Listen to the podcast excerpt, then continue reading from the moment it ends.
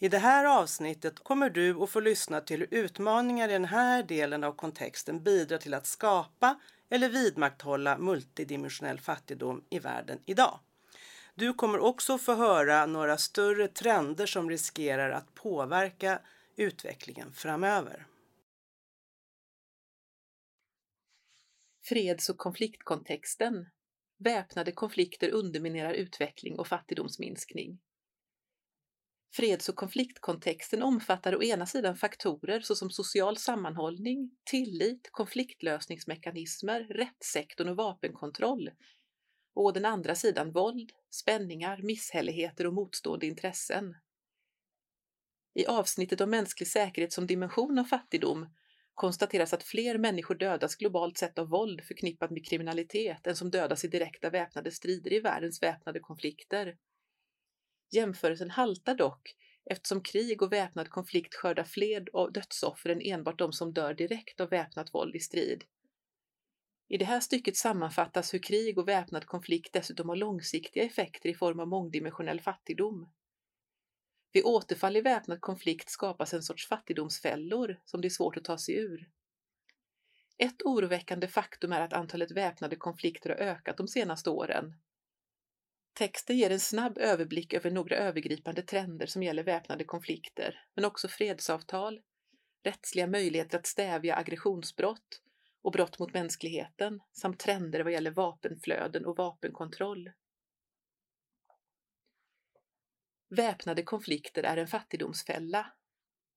En snabb global utblick visar att världen har blivit mindre fredlig idag.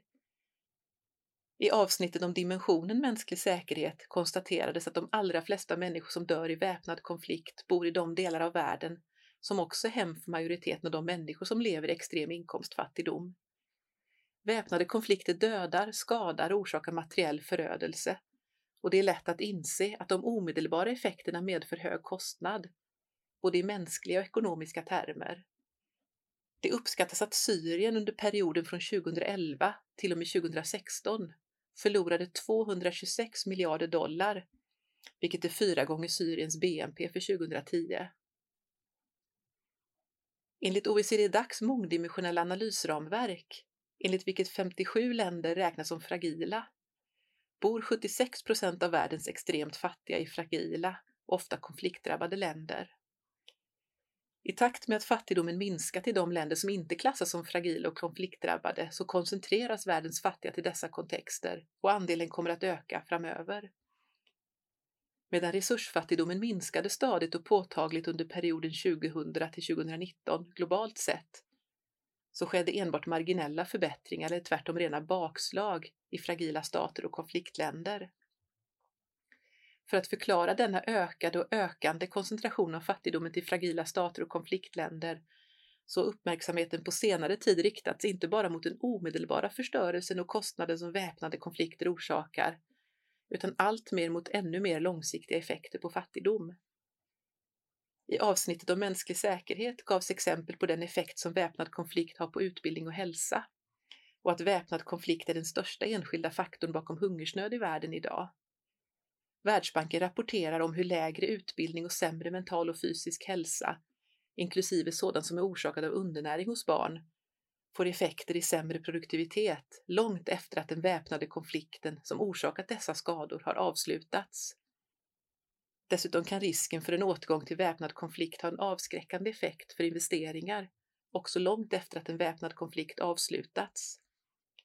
Genom sådana effekter på humankapital och produktivitet så bidrar väpnad konflikt till att förvärra fattigdom i årtionden och generationer efter en väpnad konflikt. Vid återkommande återfall i väpnad konflikt skapas ett sorts fattigdomsfällor. Exempel på detta är att BNP per capita i Somalia har fallit med mer än 40 procent sedan 70-talet och i Afghanistan har den förblivit på samma nivå som på 70-talet beroende på återkommande och utdragna väpnade konflikter. Väpnade konflikter ökar i antal. Antalet väpnade konflikter i världen har ökat på senare år och ligger sedan 2019 på den högsta nivå som registrerats av Uppsala universitets konfliktdatabas under hela den period som databasen omfattar, det vill säga sedan 1946 och framåt. Detta gäller för väpnade konflikter där minst en av parterna är en stat.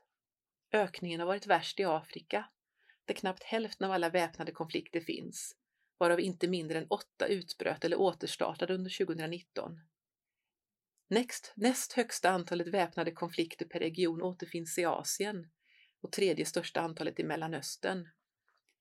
Enligt Global Peace Index, som inte bara ser till antalet väpnade konflikter utan även räknar in antal dödade, andra typer av våld, militära rustningar med mera, är MENA den minst fredliga regionen i världen. Medan väpnade konflikter mellan stater fortsätter att vara relativt ovanliga så har antalet inomstatliga väpnade konflikter som internationaliseras genom att andra stater intervenerar militärt ökat dramatiskt de senaste åren.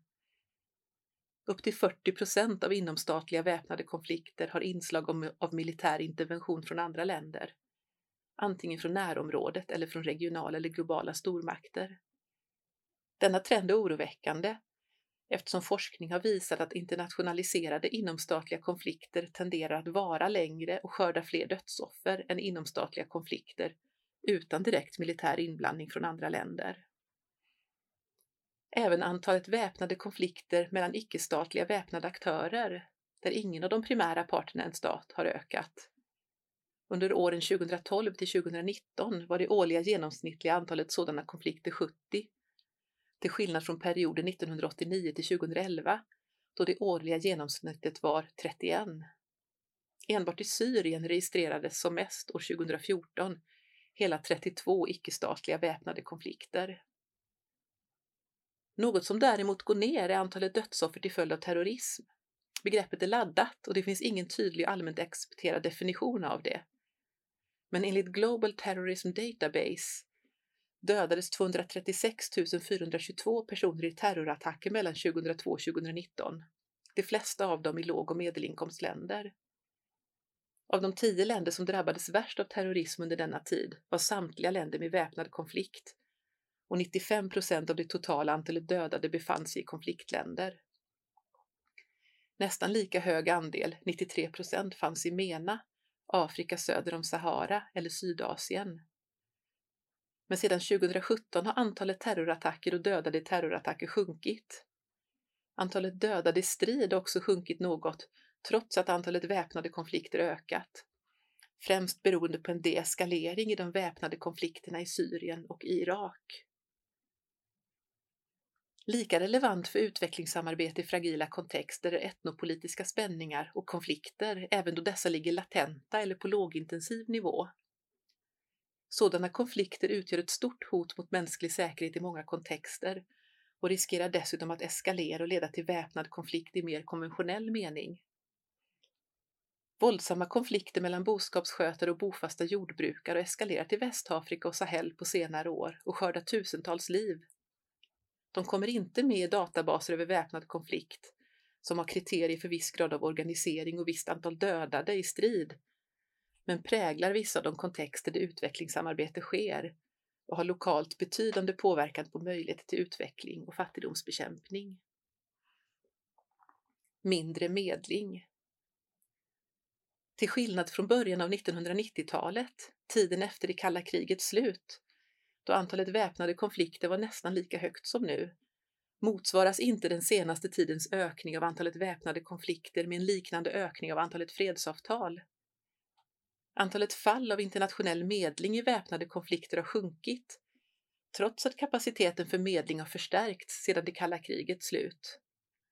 En forskningsartikel från 2020 beskriver nedgången för internationell medling som förvånande, men finner förklaringen i ett ökat antal konflikter som inkluderar islamistiska väpnade aktörer i förening med ett ökat användande av terror terrorlistor som förbjuder kontakt med sådana aktörer.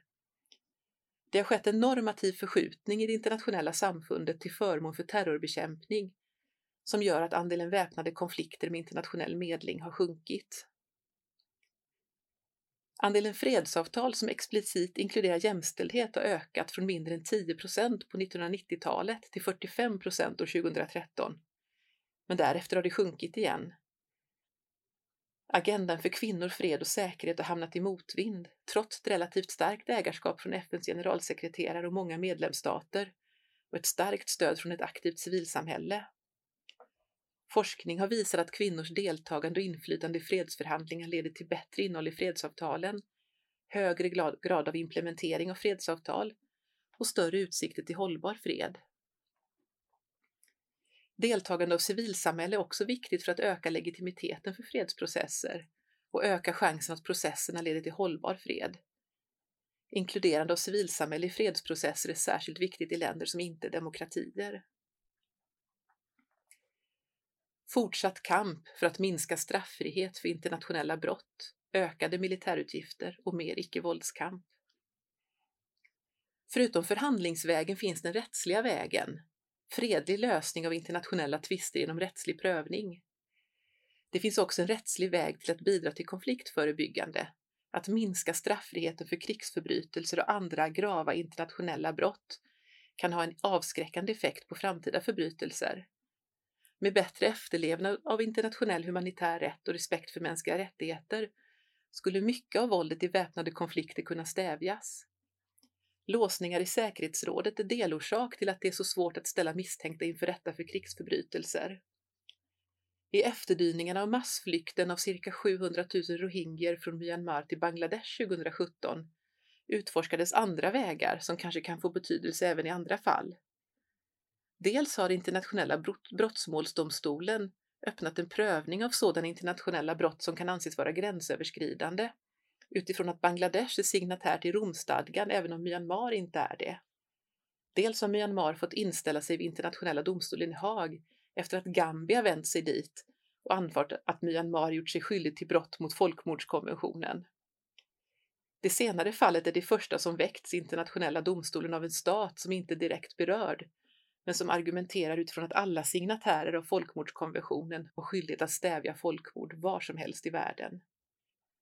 Det kan tilläggas att FNs människorättsråd också tillsatt en Independent Investigative Mechanism för Myanmar. Ett mått av graden på osäkerhet i världen är de resurser som länder lägger på att rusta sig militärt. För femte året i rad ökade världens totala militärutgifter 2019 och motsvarar 2,2 procent av världens bruttonationalprodukt, eller 249 US-dollar per person. Ökningen av de totala utgifterna 2019 berodde till största delen på utgiftsmönstren i USA och Kina, vilka tillsammans står för över hälften av världens militärutgifter. Väpnade konflikter brukar delas in i de som handlar om kontroll över territorium och de som handlar om vem eller hur staten ska styras. Tvärt emot vad många tror så är det vanligare att de som utmanar status quo, även i fråga om staters styre och territoriella gränser, förlitar sig på icke-våldsmetoder istället för att organisera sig för väpnad kamp. Och än vanligare blir det enligt forskningen att störta sitt lands regering, ändra på hur landet styrs eller ändra dess territoriella gränser är svårt.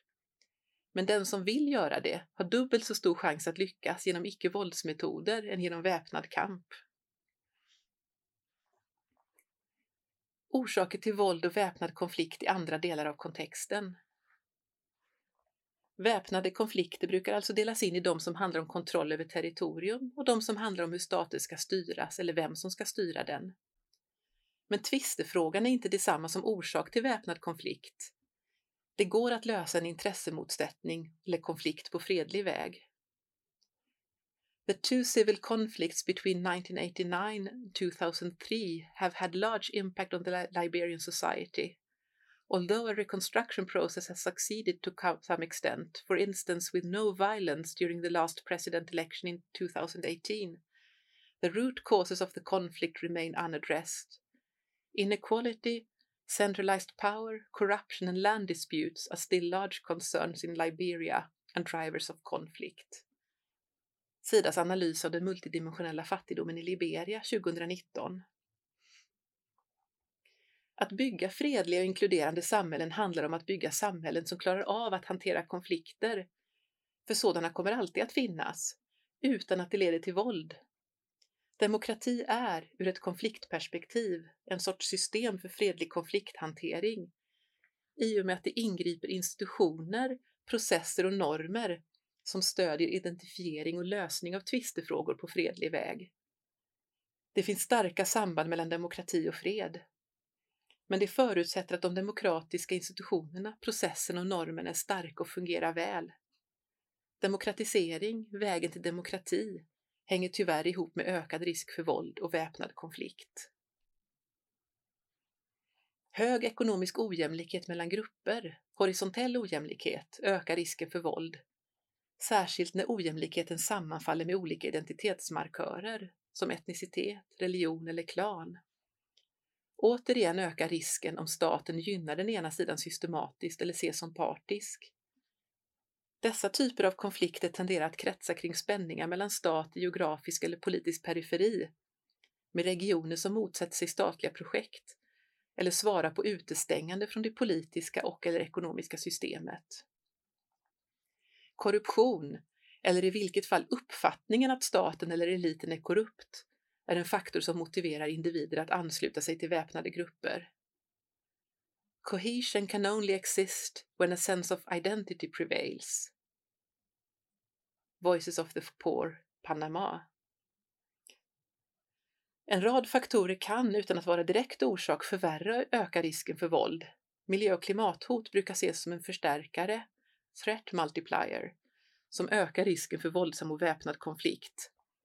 Etnopolitiska spänningar och konflikter mellan boskapsskötare och bofasta jordbrukare har ofta kopplingar till intressemotsättningar och dispyter över knappa resurser. Men enbart knappa resurser, också sådana som orsakas eller förvärras av klimatförändringar och miljöförstörelse, leder inte i sig till våld och väpnad konflikt. Det är ökad konkurrens om knappa resurser i kombination med att politiska eliter agerar partiskt eller exploaterar spänningarna för egna politiska syften som riskerar att leda till våld och försvåra möjligheten att lösa situationen på fredlig väg. Till sist i denna mycket snabba och absolut inte heltäckande översikt bör nämnas att forskning visar att samhällen med hög grad av jämställdhet tenderar att vara mera fredliga. I detta avsnitt har vi presenterat några av de viktigare orsakssambanden bakom den globala multidimensionella fattigdomen. Lyssna gärna på avsnittet om de tre andra kontexterna också.